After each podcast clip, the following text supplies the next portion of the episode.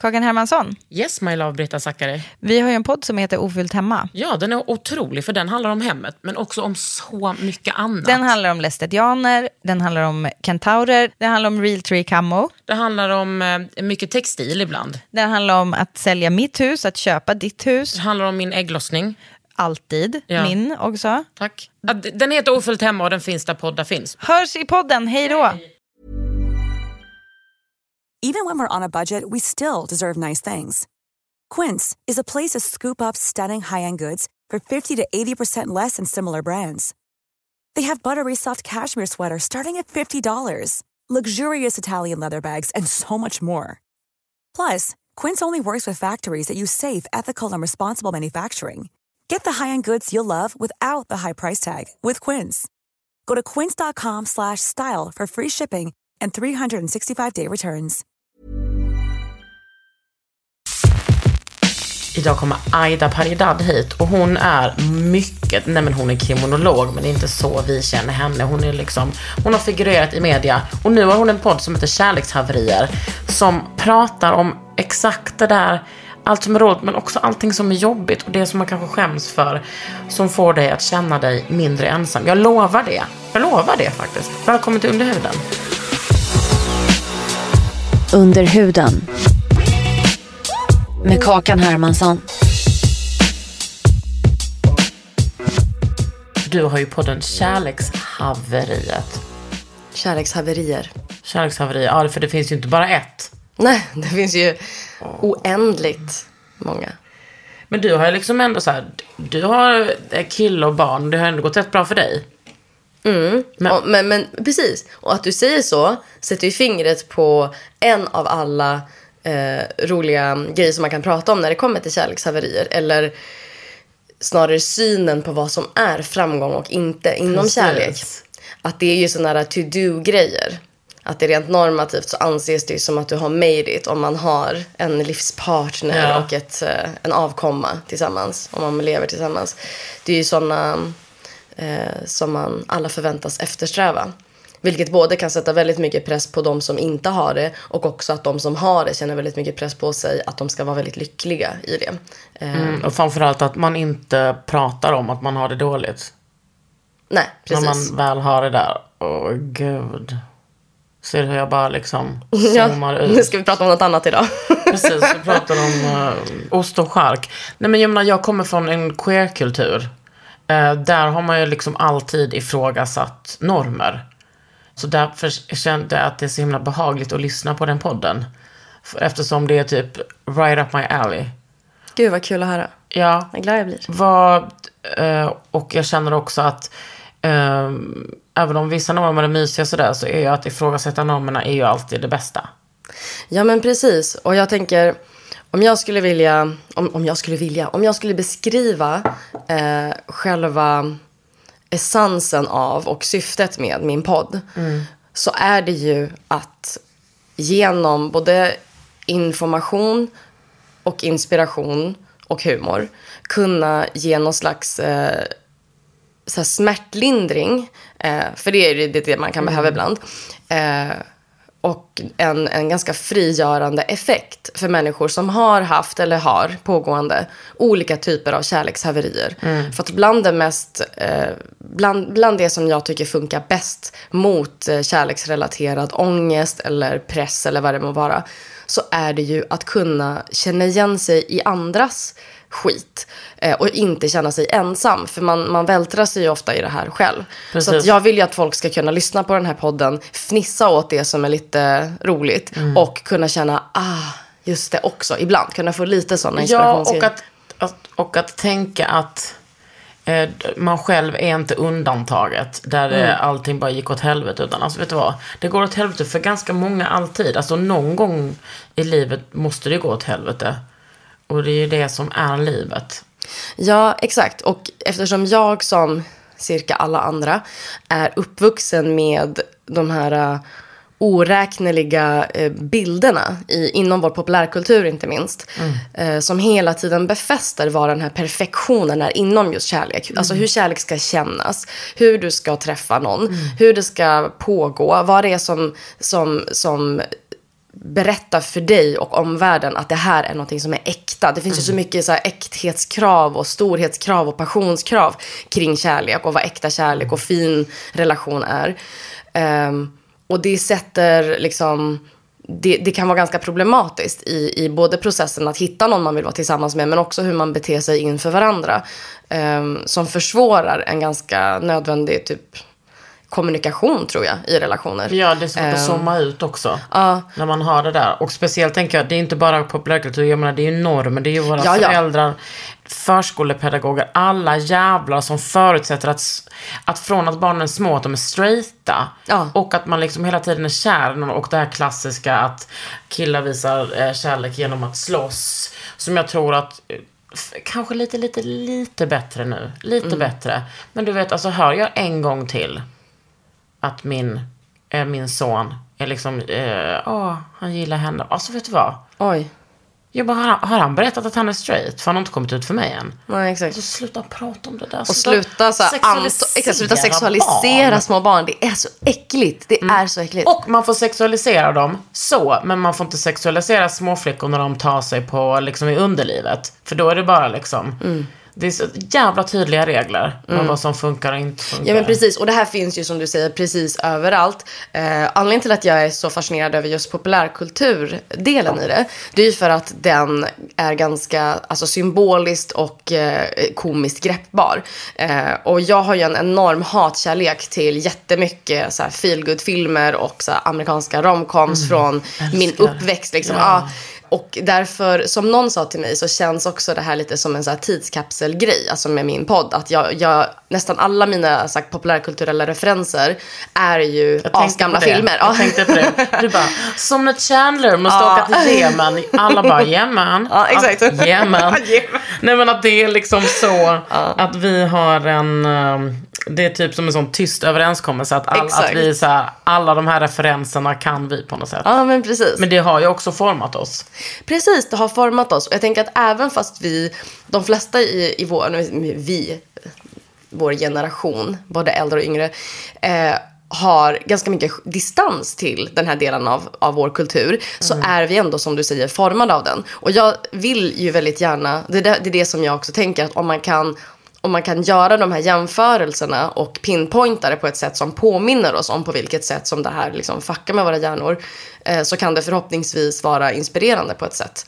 Ja, men det, och det är det ju Därför verkligen. Allt, även, även fast du vet att någonting är problematiskt, även fast du vet att någonting är normativt eller bla bla bla, så kan det ju liksom behöva upprepas för att du ska motivera dig själv till att ta, ta, ta itu med det i ditt eget Ja, och liksom. normer kan ju inte ifrågasättas nog, tänker jag. Alltså för 20 år sedan, när jag var, du vet, så här, ung krustfeminist och pratade om normer. Alltså ingen visste ens vad normer var.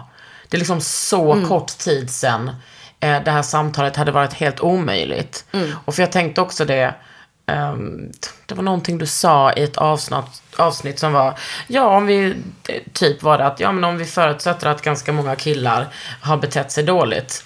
Att man, att man liksom kan ha ett feministiskt språk och en feministisk strategi utan att det behöver vara helt sjukt.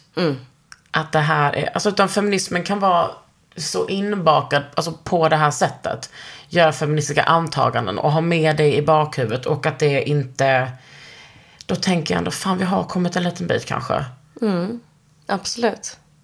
Jag älskar att, att den otroligt hoppfulla, optimistiska meningen följdes av ett, en min som var... Nej men att inte, nej men man känner ju kanske, en, en sekund om dagen känner jag, det finns hopp. Resten av tiden bara, skjut mig och eh, liksom, hur ska vi, Men, men, men en rolig grej med kärlekshaverier, på tal om det, är ju att även fast jag... Alltså jag är- i och med att, i och med att norm, det normkritiska perspektivet är som rinnande vatten för mig så blir det också en del av mitt språk. Men en rolig grej med att, att diskutera just kärlekshaverier är ju att alla oavsett om de uppfyller eller går emot normer drabbas av haverier. Ehm, och, och det är kul att också, som jag gör i den här podden, ta ner det på ett jätteindividuellt, liksom. Man, Ja. man, man får ju höra de här enskilda personernas eh, stories, som ofta är helt sjuka. Ja, alltså otroligt man, med Keivan. ja. Alltså gud, jag såg honom framför, alltså det var så jävla gulligt. Också. Också för att jag, vet, jag, eftersom jag har träffat Keivan, jag bara, alla blir kära i honom. Ja. Jag bara tänkte verkligen, alla blir kära i honom. Ja, men han är, Keivan är en helt fantastisk människa. Och en av hans vackraste egenskaper är ju den här fantastiska självdistansen. Jag blir också väldigt glad och berörd över hur mycket han bjuder på sig själv. Alltså jag minns när jag och han pratade om det här specifika caset. Så, så, så, så skämtade vi om att han skulle vara ett stående inslag i min podd. För han har så mycket. Ja, men jag kan tänka mig det. men, eh, eh, men precis, men han är ju faktiskt som jag också säger nästan varje avsnitt tror jag. Att fastän det här låter ganska crazy, det, det man får höra för stunden. Så är ju personen långt ifrån ensam. Det symboliserar ju och det berättar ju om någonting som är Ja. som så många människor känner igen sig i. För att Aldrig relationer ensam. är inte lätt. Känslor Nej. är inte rationella. Eh, och, eh, och, och kärlek är väldigt... ehm, det kan ta fram det bästa men också det dummaste i oss. Ehm, Alltså, då vi ska inte ens, ja herregud vad dum i huvudet man blir när man blir kär. Ja, och jag skulle så gärna vilja ha med ett så här kärlekshaverier special med, eh, med, ty- med, med, med typ att du skulle vara med. Man skulle kunna ha lite mer så här, eh, du kan vara så här celeb-kakan som är med och berättar om så här, Bjud in mig. valfritt kärlekshaveri. Oj, oj, oj. Kom. Jag, jag kommer, jag kommer. Nej, men jag tycker också det där med att, det där med att öppna upp eh, och berätta personliga historier. Det gör ju att man också känner sig, att någon har vågat öppna upp sig och vara sårbar. Gör att man kanske själv också kan vara det. Att man, man inte bara känner sig som ett freak. Alltså, jag tycker att det där med, nu har jag ju flest eh, nära relationer med tjejer såklart. Men, och jag kan tycka att mina så här kloka, feministiska, du vet, rationella, otroligt intellektuella tjejkompisar blir Ja, ja. alltså helt dumma i huvudet när de träffar någon. Jag- Framförallt de straighta. I'm sorry to... Alltså, men du vet, det är så. Man bara, du tappar alla omdömen. Exakt. Ja, men det är lite som en fylla. Man tappar omdömet. Men det, alltså, det är mer lite typ du. ladd skulle jag säga. det är Exakt. Hybris och utbrännt. Alltså det är liksom... Mm. Ja, men jag tror att jag, jag säger det uttryckligen i något avsnitt att jag vet inte hur många jag känner som är så otroligt ja, men så här, kloka, smarta, eh, rationellt fungerande Ja. varelser som är mina vänner och bekanta som har berättat om sig själva i situationer där de har varit helt absurda för att det är en kärleksrelation. Och det är något så speciellt med det här. Jag tänker att det är en kombination av att det är, alltså det, det är ju så otroligt mycket känslor inblandade. Eh, och känslor är inte rationella även om vi kan vara det, eh, rent intellektuellt. Eh, men också så är det ju så att vi är påverkade av så mycket som är svårt att värja sig mot. Alltså varför är du så intresserad av detta? Har du själv varit en galen jävel eller? Nej, jag är helt perfekt. Exakt. Jag bara, funny shit ask. Jag som gör den här podden har inga problem. Nej men det, det är ju... Fan, det är en fruktansvärt rolig meme som jag tycker sammanfattar det svaret jag skulle vilja ge dig mm, på ett väldigt koncist sätt. Men nu är det inte bild utan bara audio här. Men jag tror att många har sett den. Det är en skitrolig meme som har florerat många gånger. Eh, som är, det, det är en bild på en person. Du kan som, vara närmare micken. jag kan vara närmare micken, hej. Okej, det är en min på en, en person som då ser jätte så här, glad och eh, proffsig ut rakt in i kameran. Och sen eh, bakom personen, alltså i, i bakgrunden, så ser man en voltande bil. Så Ja. som, ja, och så står det så här, eh, bredvid personen så är det en text som säger me giving typ så här, advice about Ja. people's relationship. eller så här, eller personal lives typ. Eller mental issues typ. Och sen så... I bakgrunden, my mental issues. Exakt. Mm. Ja. Så det tycker jag, det, det sammanfattar mig. Men, men framförallt så tycker jag också att det är extra passande att jag gör den här podden. Inte bara för att jag själv har så mycket egna erfarenheter som alla andra också har av kärlekshaverier. Utan också för att jag upplever det som att jag har vuxit med dem. Jag har faktiskt lärt mig ganska mycket av mina egna och också ibland till och med av andras misstag. Eh, Jag önskar verkligen, både för min egna del men också för alla andra, det är därför också jag delvis gör den här podden, att vi kan bli bättre på att lära oss av andras misstag för att inte hela tiden behöva göra, göra skiten själva. Alltså ibland ser man ju sina egna red flags och så bara, nu kör jag in i den här skiten i alla fall. Ehm, men eh, det har varit väldigt stärkande för mig att kunna få växa av att lära sig om sig själv. Eh, Alltså, det är av livet. misstag. Det är livet, Det är precis. livet. Det är livet. Men vad har du liksom, hur har du hanterat dina eh, red flags? Eller det är otroligt att ens se sina egna red flags. Eller att se red flags och, och liksom identifiera dem.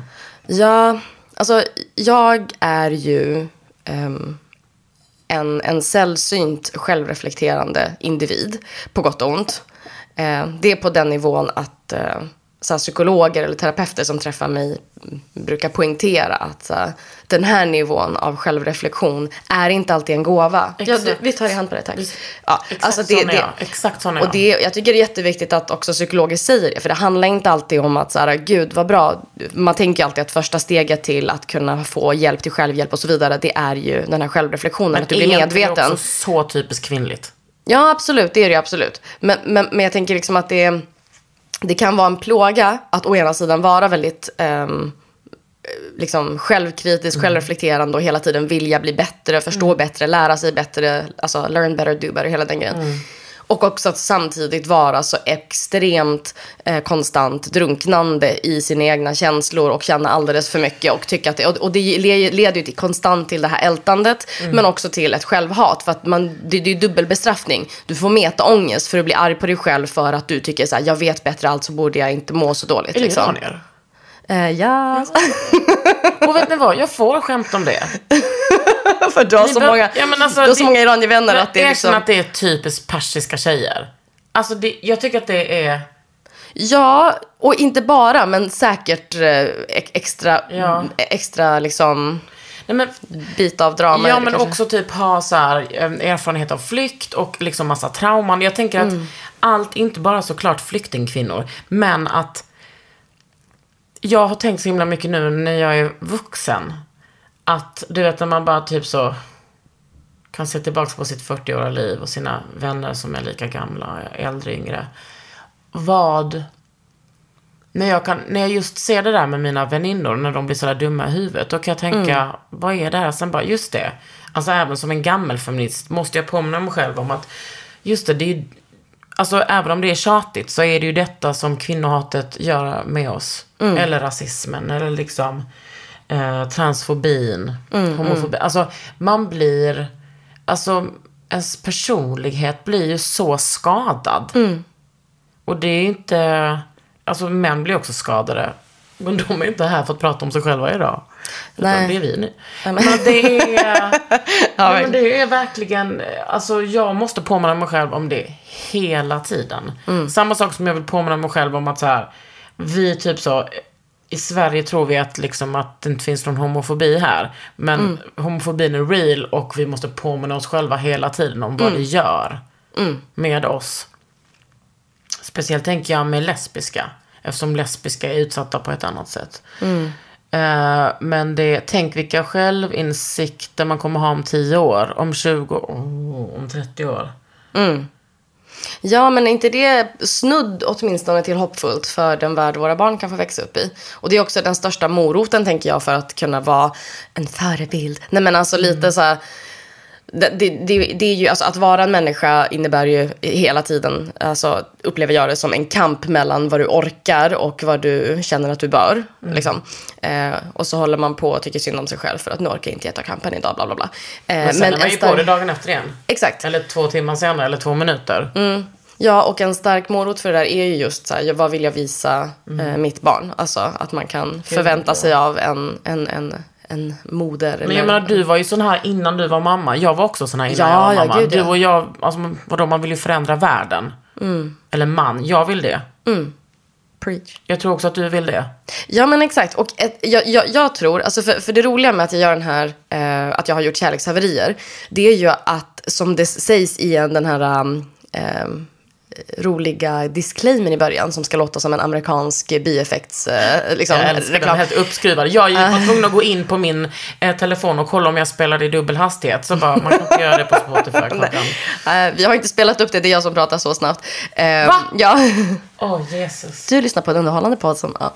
Ehm, men, men, eh, och det som jag säger där är också att jag har noll poäng noll högskolepoäng i psykologi. Jag är inte en psykolog, jag är inte någon så här relationsexpert. Men det här är ett sånt genuint intresse för mig. Och jag använder ju de kunskaper eller de färdigheter jag har som akademiker. Jag är kriminolog i grunden. Och, eh, Är du? Ja, det är och en, en, en liten eh, ett tips. I avsnitt åtta så är det det enda avsnittet där jag tar in lite på ett skämtsamt sätt min Wow. kriminologiska expertis. Där vi pratar om otrohet för att det är en dödssynd. Dun, dun, dun. Ah, wow, Mm, det har inte jag lyssnat på. Gud vad spännande. Men vad kommer liksom ditt intresse ifrån? Alltså, gud att jag ens ställer den frågan. Att, Nej, men säg. att vara, nej men, nu låter det som att jag pratar typ för ett gäng personer som aldrig har tänkt en politisk tanke någonsin.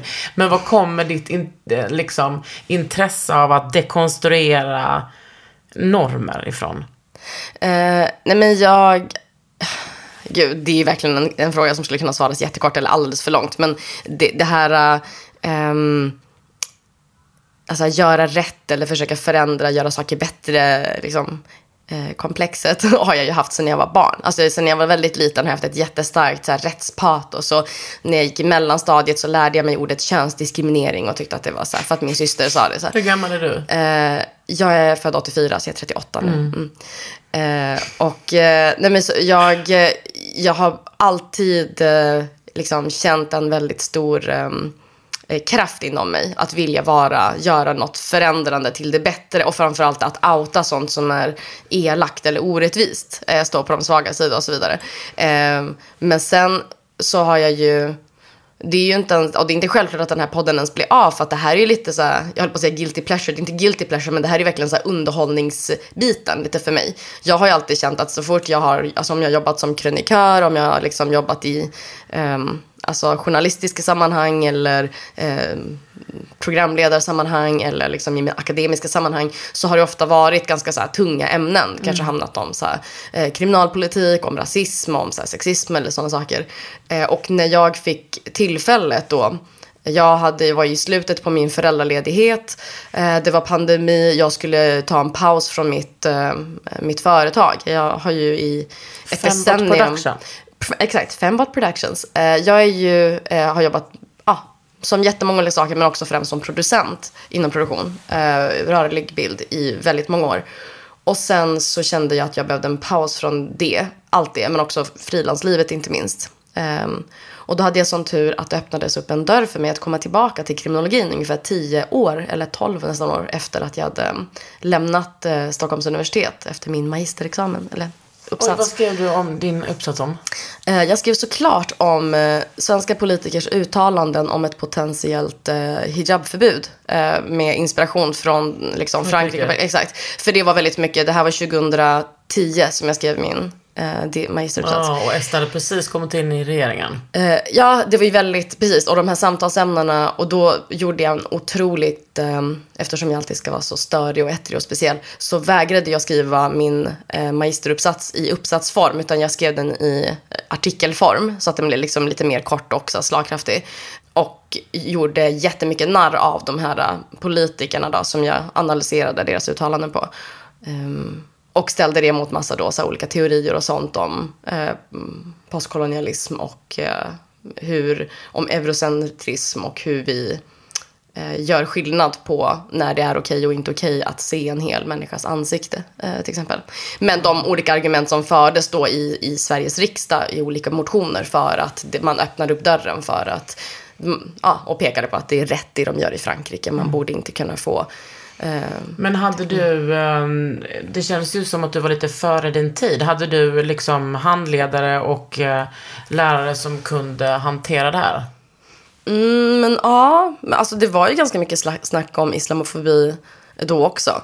Så jag tror det var ett väldigt intressant, eller väldigt eh, högaktuellt ämne eh, redan då. Men kanske på ett annat sätt än vad det är idag. Det var inte lika mycket ehm, den här eh, sjuka mm, liksom förortsbarnshatet som det är idag. Det var ju lite an- annat just då.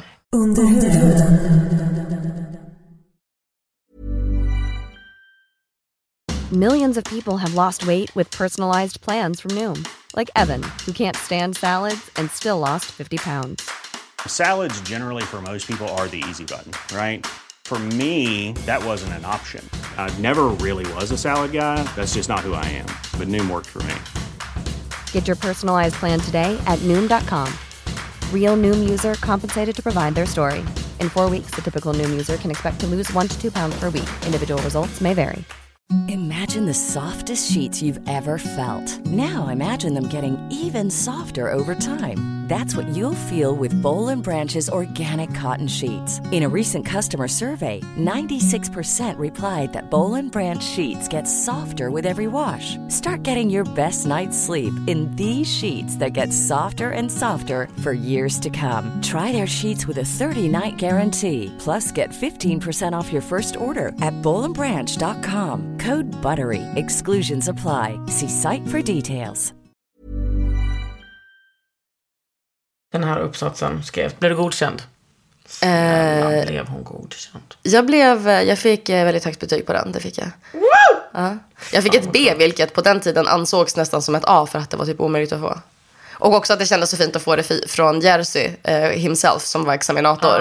Jag och han hade haft jättemycket beefs. Eh, han tyckte att jag var en arg tjej tror jag. Bara, ja, och jag tyckte att han var en arg gubbe. Eh, men det var, jätte, det, var, det, var, det var väldigt vackert och fint. Det var som en försoning mellan mig och Jersey när han ehm, eh, Också att berättade. du pratar om Jerzy som att alla ska veta vem det är. Jerzy Sarnecki. Ja. Ja. Men du, hur kom det sig att du inte doktorerade? Jo, men så här var det. Eh, att eh, jag... Jag upplevde mig lite för rastlös för att gå vidare till forskarutbildningen. Och jag hade ju ända sedan jag gick typ mellanstadiet i princip haft drömmar om att jobba som bland annat programledare och att stå på scen och att vara en väldigt, alltså jag var som väldigt extrovert person och ville väldigt gärna eh, vara en, eh, hitta olika sätt att, att, att vara mitt fulla jag på. Jag kände inte att jag skulle komma till min rätta om jag inte fick göra olika typer av sådana jobb, tänkte jag väl. Och du är väldigt bra Och jag ville väldigt gärna, ja, och så hade jag väldigt mycket, väldigt mycket tankar och idéer om att jag skulle jobba journalistiskt. Jag hade mycket tankar och idéer om att jag skulle bli programledare, om att jag skulle jobba med film, att jag skulle jobba med tv. Ja. Och då kände jag att om jag inte gör det här nu så kommer det aldrig bli av. Så då lämnade jag institutionen efter min eh, magister och eh, gick en sån tv-produktionsutbildning, medieutbildning i Stockholm, yrkeshögskola. Du bara, äh, lite till. Jag kör, ja. Jag var så fruktansvärt trött på att vara student vid det här laget. Men då hade jag en fin, eh, min, min personliga eh, mentor som, och också vän, Nisse Edvall, bless his heart. Ja. Han har ju följt mig. Det som Nisse gör så himla bra, han är ju väldigt krass och väldigt så här, öppen och rak och tydlig. Och, och han så här, sugarcoatar ingenting. Och han var väldigt bra på att säga till mig vad han tyckte att jag liksom bra på. Vad han tycker att jag ska, alltså, ty, Alltså han är legend tycker jag. ja, han är fantastisk. När, alltså, när har han inte funnits med i ens liv? Under, alltså alltid. Han har fan figurerat på något sätt. Mm. Faktiskt. Ja, nej, men eh, ja, Nisse är jättefin. Och han ehm, eh, sa till mig då, för jättelänge sedan, att om du vill jobba i branschen i Stockholm, för det är en jävla ankdamm, så måste du typ komma in på en praktikplats och det får man genom de här jävla utbildningarna. Så bara bränn av det, sitt längst bak i klassen och skit alltså bara så här, gör det här typ. När du bestämde, kärlekshaverier, det är min fucking podd. Mm.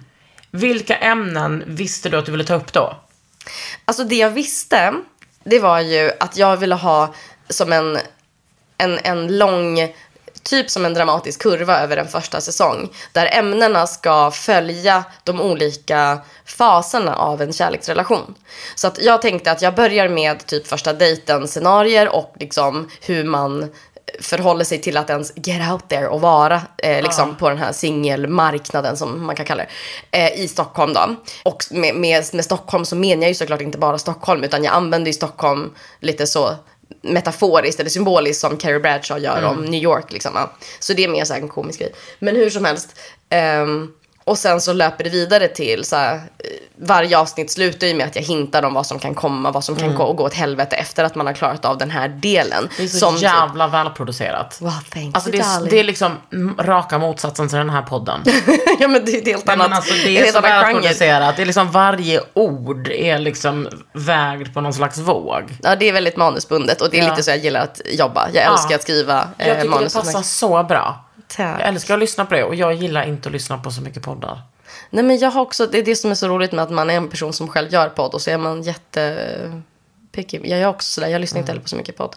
Men jag har kommit in i en period där jag inte tar in så mycket alls. Men skitsamma. Ehm, Vet du vad jag lyssnar på? Berätta. P1.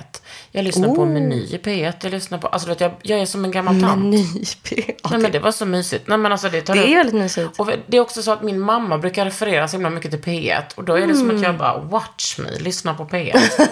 min dröm har alltid varit att ha, typ, ha en sån radio så bara tyck, sätter man på P1. Men det finns ju inga sådana vanliga radio längre. Så nu får man ju, jag vill bara att någon ska välja till mig. Jag vill inte välja mer. Nej, det jag vill kan inte skapa gå stress. in på någon streamingtjänst. Jag vill bara att någon ska Ge till den. Ja. Ja. jag kan förstå det. Nej, men eh, det som jag gör då är att jag följer de här olika eh, faserna. Så ett ämne är ju till exempel hur pissigt dåligt det kan gå på en, en första dejt, eller liksom introfasen. Och sen så är det ju typ eh, när man har dejtat ett tag och känner nu vill jag att den här personen ska få träffa mina vänner. Det är en ganska stort steg i en relation. Och allt som kan gå åt helvete när ens vänner typ hatar den, den man dejtar. Eller att man själv tycker jätte eh, illa om en, ens nya partners vänner eller whatever som kan gå åt helvete. Och sen Eller så går det ens vidare. väns partner. Den är inte Ens- ovanlig. Nej men precis, en ens partner. Ja. Och det är ju ett sånt case i det avsnitt fyra där någon pratar om att hennes bästa vän hade ett rövhål till, eh, alltså äkta make till och med, hon var gift med honom. Som stötte på henne och försökte kyssa henne när bästa vännen låg och sov i rummet. Alltså det är så här, ja. Det är galet. Men eh, jag var mer, jag pratade om ja, men nyförälskelsefasen när den tar slut. Att det så rent symboliskt är, kan vara förödande för ens, alltså det är som en identitetskris för en relation. Därför att den bilden vi får av, av eh, alltså den här liksom upplyfta kärleksbilden brukar ju alltid pre- presenteras genom en, en väldigt så här, ny rosa skimrande förälskelsefas. Det är typ så vi, alltså den kärleken vi ser är ju det som egentligen är en sprudlande nyförälskelsefas. Jag är den nu. Ja men grattis. Tack. Så jävla kul. Jag, ska bara. men jag unnar dig det Karin. Tack. Unnar Men dig. jag tycker att det är underbart. Det är underbart. Mm. Det enda som är liksom trist är att, att det ska betraktas som ett nederlag och som någonting som definierar relationen som mindre bra när den tar slut. Ja. För att man, den förväntas inte kunna ta slut om det är den här äkta. Hollywood-kärleken. Det är det som är Men så trist. Det som jag tycker är underbart att träffa någon när jag är 40 liksom. Mm. Eller vad jag var då. Nej men att, man, att jag liksom är. Det är så mycket som är annorlunda nu än för 10 år sedan eller 15 eller 20 år sedan. Allting är så realistiskt. Jag har barn. Alltså allting är liksom, det är någonting helt annat. Mm. Eh, jag har eh, ett helt annat förhållningssätt till min egna kärlek. Alltså till mig själv, till personer jag är ihop med. Alltså det är... Menar du att, det är liksom, den, att den här realistiska biten gör att du inte från början blir eh, fast i de här eh, jättestereotypa bilderna av vad kärlek får och inte får vara? Eller att det måste vara på ett visst sätt? Att Alltså, det blir så skulle- befriande att det redan från början är ganska omgivet av en diskbänksrealism. Ja, det är en, men det är en diskbänksrealism som jag tycker är mysig. För att jag, vadå, vadå, jag ska inte säga att jag lever ett svenneliv, för att lite mer självdistans har jag, eller självinsikt har jag ju. Alltså, men jag, alltså du vet, det, det tuffar på. Jag går inte på gala varje dag, utan vadå, jag hämtar på förskolan, jag går och alltså det är ändå liksom, vi har ju ändå ett sånt där vanligt liv. Eh, båda har barn, alltså att man ska liksom, det är mycket pusslet. Vi kommer aldrig bo ihop. Alltså det, det är en annan sak tror jag. Helt annan sak när man inte har barn, träffar en partner och vill ha barn med den. Alltså jag tror att Absolut. det är miles, alltså natt och dag. Mm, absolut. För att då måste man övertyga sig själv om att så, ah, ska jag avla med den här jäveln? Exakt. Då måste det vara liksom... Ja men precis. Och Eran situation tar ju bort jättemycket av den potentiella stressen eller pressen Gud, för ja. de här grejerna. Absolut. Ja. det är jätteintressant. Jo, men olika faser i livet eh, gör ju någonting med en när man träffar någon. Det är inte som att man alltid kommer att vara samma person när man träffar en, en ny. Nej. Alltså jag brukar jätteofta tänka på så här, men gud, vad hade hänt om eh, Alltså jag älskar ju slash panikerar över sådana här sliding doors eh, Mm. scenarier. Eh, och jag och eh, min kära sambo då, brukar ibland, alltså har ju sagt här, men tänk om vi, för vi har kommit fram till det i efterhand, att så här, men för millions of years ago när jag jobbade i den här skobutiken eh, så ha, jobbade hans bästa vän i skobutiken ovanför där jag pra- provjobbade en gång och tänk om jag hade börjat jobba extra där, alltså när jag var student. Eh, hade vi träffats då för att de hängde ju ganska, alltså, så här, och så bara men okej om du var den du var då och jag var den jag var då vi hade sett, då kan, hade vi aldrig blivit ihop då eller hade det blivit, hade vi varit kära? Så, hur hade attraktionen funkat? Ehm, jag tror att det var jättemycket som ehm, av det som, som var våra livssituationer och omständigheter Mm. i livet just när vi sågs nu som, som har lett till att vi Ja, kunde 100 vara- procent. när jag var i typ gick i gymnasiet och var en av alla, många gånger jag har varit heartbroken eller liksom ledsen, eh, så hade jag ett fantastiskt fint samtal med min eh, kloka stora syster. Hon har alltid varit så här rättsnöret i mitt liv. Vi har sån ett otroligt stereotyp stora syster och lilla syster relation. Men eh, jag minns det så tydligt. Jag hälsade på henne i, i Uppsala där hon då som den, eh, den, den, framgång, den lyckade stora Ah. vet hon du, dottern hon är. Ja, hon är jurist såklart. Nej, du skämtar? Men det är så här, hon är mer, hon, hon, hon är mer, eh, alltså om man tänker så här duktig iranier liksom Mm. grejen. Eh, så är ju hon en otroligt eh, duktig och framgångsrik jurist. Mm. Eh, blev sedermera åklar, kammaråklagare. Ja. Eh, medans, jag, ja, medans jag är fattig student och pl- pluggar sånt som inte leder till jobb i så här uh, gazillions i år. Mm. Och när jag verkligen äntligen blir klar så går jag, gör jag någonting helt annat orelaterat till det. Och sen jobbar som så här, lösdrivande frilansare inom media med ett eget företag. Vad fan är det? Ja. Ja. Så ehm, det är vad det är. Men en av döttrarna blev i alla fall den duktiga. Hur som helst. Innan hon eh, var klar så pluggade hon i Uppsala på det, också där, det finaste universitetet du kan plugga juridik på. En gång när jag hälsade på min syster i Uppsala, en av få gånger jag bemödade mig att åka dit förresten, så hade vi ett jättefint samtal om kärlek och om olycklig kärlek som jag var drabbad av då. Och då så säger jag då att jag har någon jätteungdomlig naiv föreställning om att, att, ehm, att, att det man blir kär i, att det, alltså att vi kan, det, det är liksom bortom vår kontroll. Man kan bli kär i vem som helst och det beror på feromoner hit och dit. Och det är så här, jag skulle kunna råka bli kär i en nynazist om, det, om den människan hade rätt ny feromoner för mig. Typ. Alltså på den nivån. right. Teoretiskt sett. Ja. Men alltså inte att jag trodde det då, men skitsamma. Um, och sen så pratade vi väldigt mycket om om sånt, om så här vad det är som gör att man blir så himla kär och varför och bla bla bla. Och då så sa hon någonting så fint som har hängt kvar i mig resten av livet eh, sen dess och kommer fortsätta göra. Och det är att i olika tider av livet så är vi olika eh, mottagbara för olika former av kärlek. Gud ja. Ja, så olika tider och i en livet. blandning med självhat. Ja, ja, 100 procent det också. Men så, här, så olika tider i livet, du är olika mycket mottaglig för olika former av kärlek.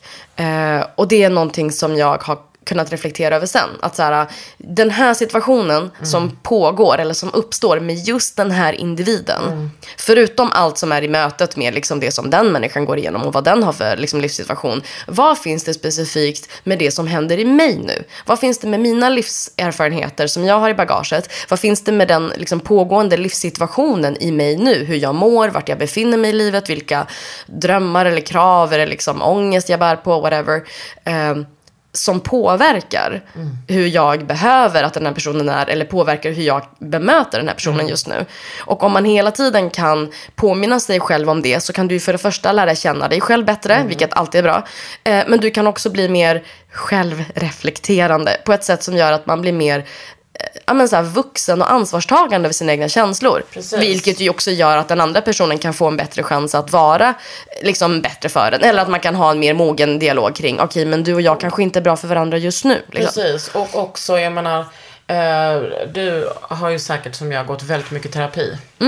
Eh, och jag menar, det är ju den bästa investeringen man kan göra. Tycker jag. Absolut. Ja, men, ja. Och jag, eh, jag gick ju väldigt mycket i terapi när jag mådde väldigt dåligt i mina 20 någonting år. Jag, jag har haft väldigt mycket så, ångesthantering. Liksom. Och, ehm, och, och det var ju... Men det, jag känner definitivt att, och det kanske folk har olika erfarenheter av det där också, men för mig så har det funkat otroligt bra att inte, jag har liksom aldrig, ehm, för mig personligen så har terapi inte så mycket handlat om att jag eh, behöver någonstans där jag kan gråta ut eller liksom bara gå sönder för stunden. För det kan ju vara en jätteviktig och bra funktion också. För det är inte alla som har det på andra sätt. Ehm, utan för mig så var det istället en otroligt ehm, utmanande, viktig så här, hjärngymnastik. Alltså det var typ som att gå till en PT där du så här, kör hårdträning en gång i veckan eller en gång i månaden. Men istället för att du tränar kroppen så är det hjärnan. Och man så här, konstant blir tvungen att vända och vrida på sina egna... Ja, för det är Eh. det som kanske kom, alltså många pratar med sina kompisar, alltså tjejer och killar pratar ju inte så ofta alls. Men tjejer pratar med sina kompisar och sen så vet man, de kompisarna själva kanske, har kanske själva problem. Eller så vågar man inte vara ärlig och säga, alltså du är helt störd i huvudet, du sök och få hjälp. Utan du, Ja, det får mig ju tänka på den här roliga scenen i Sex and the City när Samantha säger till Carrie att såhär, we're just as fucked up as you are, it's like the blind leading the blind. Så, ja. ja, 100 procent.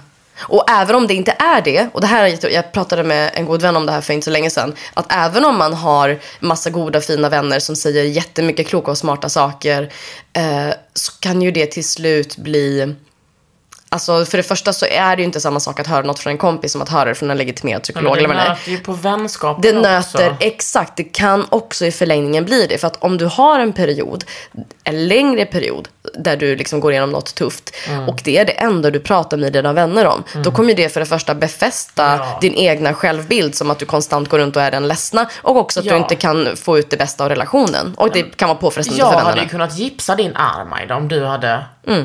brutit den. Men jag ska ju inte gipsa den, för jag är ju inte utbildad i det. Nej men exakt. Det är därför man, man alltså jag menar vi har ju terapeuter för av olika anledningar.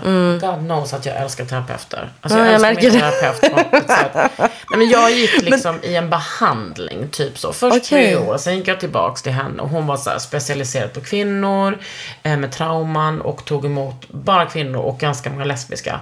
Mm. Och sen så var, jag gick där fram och tillbaka i tio år. Och sen så eh, när jag kände att jag för ett, ett år sedan behövde komma tillbaks till henne. Hon bara, nej jag har gått i pension. Jag bara, Dun, dun, dun, dun. Gud Charlotta, varför gör du så här mot mig? Hon bara, Charlotta. du kan få en, ehm, du kan få ett annat tips. Och så nu går jag till henne och hon är jättebra. Ja, men vad fint. Att det kunde lösa Mm. Och hon i sig så. sin tur har tipsat ehm, mig om andra terapeuter till andra kompisar. Ja, Kul. Ja, men, alltså, ja. men jag tror, alltså, det är jättefint att det kan lösa sig så. Och jag förstår, jag tycker det är så fint att höra hur, hur du upplever att terapin har fyllt en otroligt fin och nej viktig men alltså funktion för jag dig. hade inte levt om det inte hade varit för mina terapeuter. Kakan. Jag vet. Mm. Nej men alltså de är, ja. Men jag, och jag önskar jätteofta att fler kunde eh, gå i olika typer av liksom, terapi. Eh, framförallt män. Men alltså, jag tror också att det, det som är trist med... Alltså, för nu är det lite lättare att få terapi utan att behöva stå i kö jättelänge och ha så här, eh, livshotande tillstånd. Eh, om man inte vill betala, alltså för alla, det är långt ifrån alla som har råd att betala för privatterapi. Till- Eh, och landstinget kan ju ha otroligt långa köer om det inte är så att man på riktigt har så livshotande tillstånd. Men, men det jag vill tipsa om på tal om det, det är ju att nu för tiden så behöver inte det vara de enda två valen. Utan man kan ju faktiskt också eh, bara gå till sin vårdcentral. För det finns ju det här första linjen som det heter. Då har de ju både utbildade, alltså legitimerade psykologer men också utbildade samtalsterapeuter eller liksom psykoterapeuter eh, på vårdcentralen. Precis. Så då kan man liksom på ganska kort tid och inte behöva stå i kö så länge gå till någon som man pratar med. Och det har jag hört jättegott om. Det finns också om du är student, studenthälsan. Studenthälsan, Och sen så finns det absolut. också massa stiftelser. Vad heter den till exempel i Stockholm, Sankt Lukas. Alltså det finns massa eh, kryphål. Jag tror bara att det är så få som inte har koll på ja, det här. men också hur ska man orka hitta de här kryphålen när man mår piss? När man inte ens orkar gå upp ur sängen. För så illa är det ju Mm. liksom ganska ofta. Första gången jag skulle gå till en pe- terapeut här i Stockholm. Eh, han hette ett namn, han hette något sånt jättefint speciellt efternamn. Då sa hon i repan till mig som ringde och gav mig Ja, ja, ja du får tid klockan bla bla bla hos den här läkaren. Ja, hans efternamn låter utländskt men, men han är inte det. Jag bara, Oh, what? ja, jag bara Vem säger så? Också bara, Varför? Varför berätta? också bara, han var det. Men vem fan bryr sig? Eller jag, Gud vad obehagligt. Som att du skulle tycka att det var en till nackdel att han inte var svenne, eller vadå? nej men det var, så- jag tänker på det eh, ganska Jätte, ofta. Jätteoklart. Psykfall, Årsta psyk. Men jag menar, vill man grotta ner sig i olika människors kärlekshaverier och jämföra med sig själv, då tycker jag man ska lyssna på din podd. Ja, Den är så jävla kul och smart. Ja. Det är liksom ett lättsamt men yet serious way to approach love. Ja, alltså jag tänker typ, precis, och det var ju min målsättning också, att det ska vara väldigt lättsamt eh, men också ha de här eh, undertonerna och jämförelserna. Alltså jag gillar ju verkligen att sätta saker i en annan kontext än den mest uppenbara. Det är därför jag gör de här historiska tillbakablickarna eller jämför med liksom actual studier som har gjorts av på olika universitet på liknande områden. För, både för att det blir lite roligt att jämföra på det sättet och också att man kan få komma ur sin egna lilla bubbla på något sätt. Ja, det är ju viktigt. Alltså, man, man, kärlekshaverier som man själv upplever kan ju ibland kännas för... Alltså så här, tittar du på det för nära så kan det vara svårt att få ett annat perspektiv. och det är det jag vill kunna liksom, jag tror att det är ganska liksom, frigörande. Du tar fram en bok här nu Jag tar fram en bok som, heter, som Åsa Kalmer har skrivit som heter Naket det mest intima. Som är en eh, bok med, det här är 21 kvinnor med vitt skilda erfarenheter, delar sina tankar och känslor om sex, kärlek och död. Modigt och ödmjukt blottläggande, vittnesmålande, vackra, lustfyllda och utmanande och ibland smärtsamma. Avslöjanden du kanske inte anar att du själv kan känna igen dig i. Och den är faktiskt ehm, kul. Det är jävligt hetero. Men den är, det är kul att lyssna på 90-åriga kvinnor prata om sitt liv och sitt sexliv. Den Jätte- kan jag varmt rekommendera. Det Fan, vad är fint. liksom, det är samma grej som, alltså mer eller mindre med, som med din podd. Att så här, man tar del av historier. Mm. Som kanske får en att chilla eller bara aha eller bli ö, ö, ö, uppvaknad. Jag har faktiskt en bekant som när hon läste den, hon bara nu är det dags att separera. Och det är också Va? mitt tips till många där ute. Gör slut. Fan vad folk behöver göra slut alltså. Mm. Gör slut. Fy fan vad ni kommer må mycket bättre av det. Ja, och det handlar ju avsnitt nio om i min podd. Kul! Ja, eh, eller avsnitt 9 handlar ju om breakups och sen så har jag det sista avsnittet, avsnitt 10 om att liksom vara tillbaka på ruta ett eller när man, hur man blir singel igen efter en, eh, ofta en längre relation. Ehm, för att knyta ihop säcken lite till första avsnittet. Men ehm, eh, det som jag önskar alltså så här, det här är ju ändå relativt, tycker jag, korta avsnitt. Jag hade ju jättegärna velat göra en, en till säsong och djupdyka mer i det här med separationer. En grej som jag älskar att prata om när det kommer till att göra slut, som jag inte hade utrymme för i just det här avsnittet, eh, det är ju just ehm, Ja, men jag, jag snuddade lite över det där att man, vissa gör ju inte slut av princip alltså för att det känns, det är så mycket som jag försvårar att göra slut. Inte bara känslor utan också kan ju vara livs, eh, liksom. Ekonomi, Exakt, det kan vara allting. jättemycket. Och att man inte vågar lämna sin partner. Det är också viktigt att säga. Precis. Ehm, men, eh, men det finns ju någonting otroligt, eh, som du säger, det kan vara någonting som är otroligt frigörande i att göra slut. Men jag tycker också att det är så otroligt synd att, att eh, just avslut av relationer per definition eh, ska betraktas som ett misslyckande. Och det kan också vara väldigt mycket det som gör att folk drar sig från att göra slut. Alltså både för hur det ska ses utifrån, man förväntas vara liksom kär eller lycklig eller whatever. Men också för att man har, ser det som att man har investerat så mycket i en relation. Alltså jag har själv varit i en relation för hundra år sedan där jag drog ut kanske nästan ett halvår på att göra slut fast jag visste att det här leder till ett slut. Jag visste att det här inte skulle kunna hålla. Jag visste att jag var olycklig. Bara för att det, var, det tog så enormt mycket emot att ha investerat så mycket av sig själv i någonting. Det är som ett projekt som man bara känner så här, jaha, och nu ska jag... Alltså det var verkligen upplevelsen av att du misslyckas om du ger upp. Alltså ger upp. Istället för då som jag önskar att man hade kunnat le- alltså, gå mer mot i framtiden. Att vi betraktar det som att Man tar hand om sig själv. Ja, men också att så här, allt det fina som du och jag har gått igenom, allt det fina kärleks, alla kärleksminnen, allt som vi har haft som har varit kul, som har varit givande, som har gjort oss till liksom, lyckliga för stunden. Det har ju fortfarande ägt rum. Du, du, kan- du kan inte diskvalificera, du kan liksom inte radera det bara för att det någon gång tar slut. Och det har berikat dig som människa. Precis. Det är som att man då skulle mena att så, men då, då, då har inte det här eh, liksom... Som att man tar bort värdet av någonting fint som har varit för att det är bara värt om det leder till forever. Alltså det happily ever after-grejen. Eh, och det tycker jag är jättetrist. Jag tycker Emily Ebby skrev ju någon artikel om det för jättelänge sedan som jag tyck- också tyckte var väldigt bra. Där hon just pratade om så här, det är så synd att hon, hon hade gjort slut med någon och att hon upplevde det som att vänner gick fram till, alltså sa så här, åh, alltså att man förväntar sig att någon som har gjort slut ska vara så himla ledsen och upprivande över det. Och det kan man ju såklart vara. Men att, att hon var så här, fast vi tycker båda att det är nice att vi har gjort slut. Vi är kompisar och tycker att vi har gjort slut av rimliga skäl. Liksom. it's okay. Liksom. Men att folk då var väldigt så här, ehm, man är så beredd på att tycka jättesynd om och tycka att det är så här, gud vad hemskt att du går igenom det här. Gud vad hemskt att du har behövt göra slut. Jag känner bara direkt att jag är så jävla glad att alltså, jag är nowhere close till att vara en person som bryr mig om vad andra tycker. Ja men det är ju en otrolig bedrift. Grattis! Tack så jättemycket. Det är också Charlotta. Nej jag skojar. Nej men det är verkligen, man kan inte vara mig tror jag om man ska hålla på och bry sig om det. Men nog om mig. Mm. Nu är det slut på den här otroliga podden. Tack för att du kom hit. Var Tack kan man lyssna på din podd? Den kan man faktiskt bara lyssna på på Spotify för att det är en Spotify Originals. Alright. Jag heter Kakan Hermansson. Jag heter Aida Paridad. Det gör du. Och du har lyssnat på Under huden.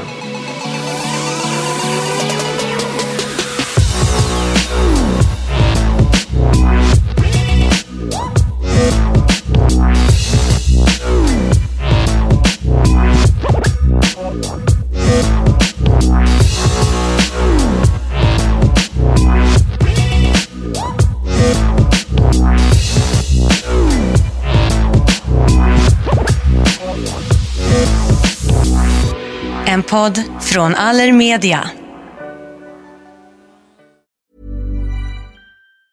Normally, being a little extra can be a bit much, but when it comes to healthcare, it pays to be extra. And United Healthcare makes it easy with Health Protector Guard fixed indemnity insurance plans. Underwritten by Golden Rule Insurance Company, they supplement your primary plan, helping you manage out of pocket costs without the usual requirements and restrictions like deductibles and enrollment periods. So when it comes to covering your medical bills, you can feel good about being a little extra. Visit uh1.com to find the Health Protector Guard plan for you. Hey, it's Paige DeSorbo from Giggly Squad. High quality fashion without the price tag. Say hello to Quince. I'm snagging high-end essentials like cozy cashmere sweaters, sleek leather jackets, fine jewelry, and so much more. With Quince being 50 to 80% less than similar brands. And they partner with factories that prioritize safe, ethical, and responsible manufacturing. I love that. Luxury quality within reach. Go to quince.com slash style to get free shipping and 365 day returns on your next order. Quince.com slash style.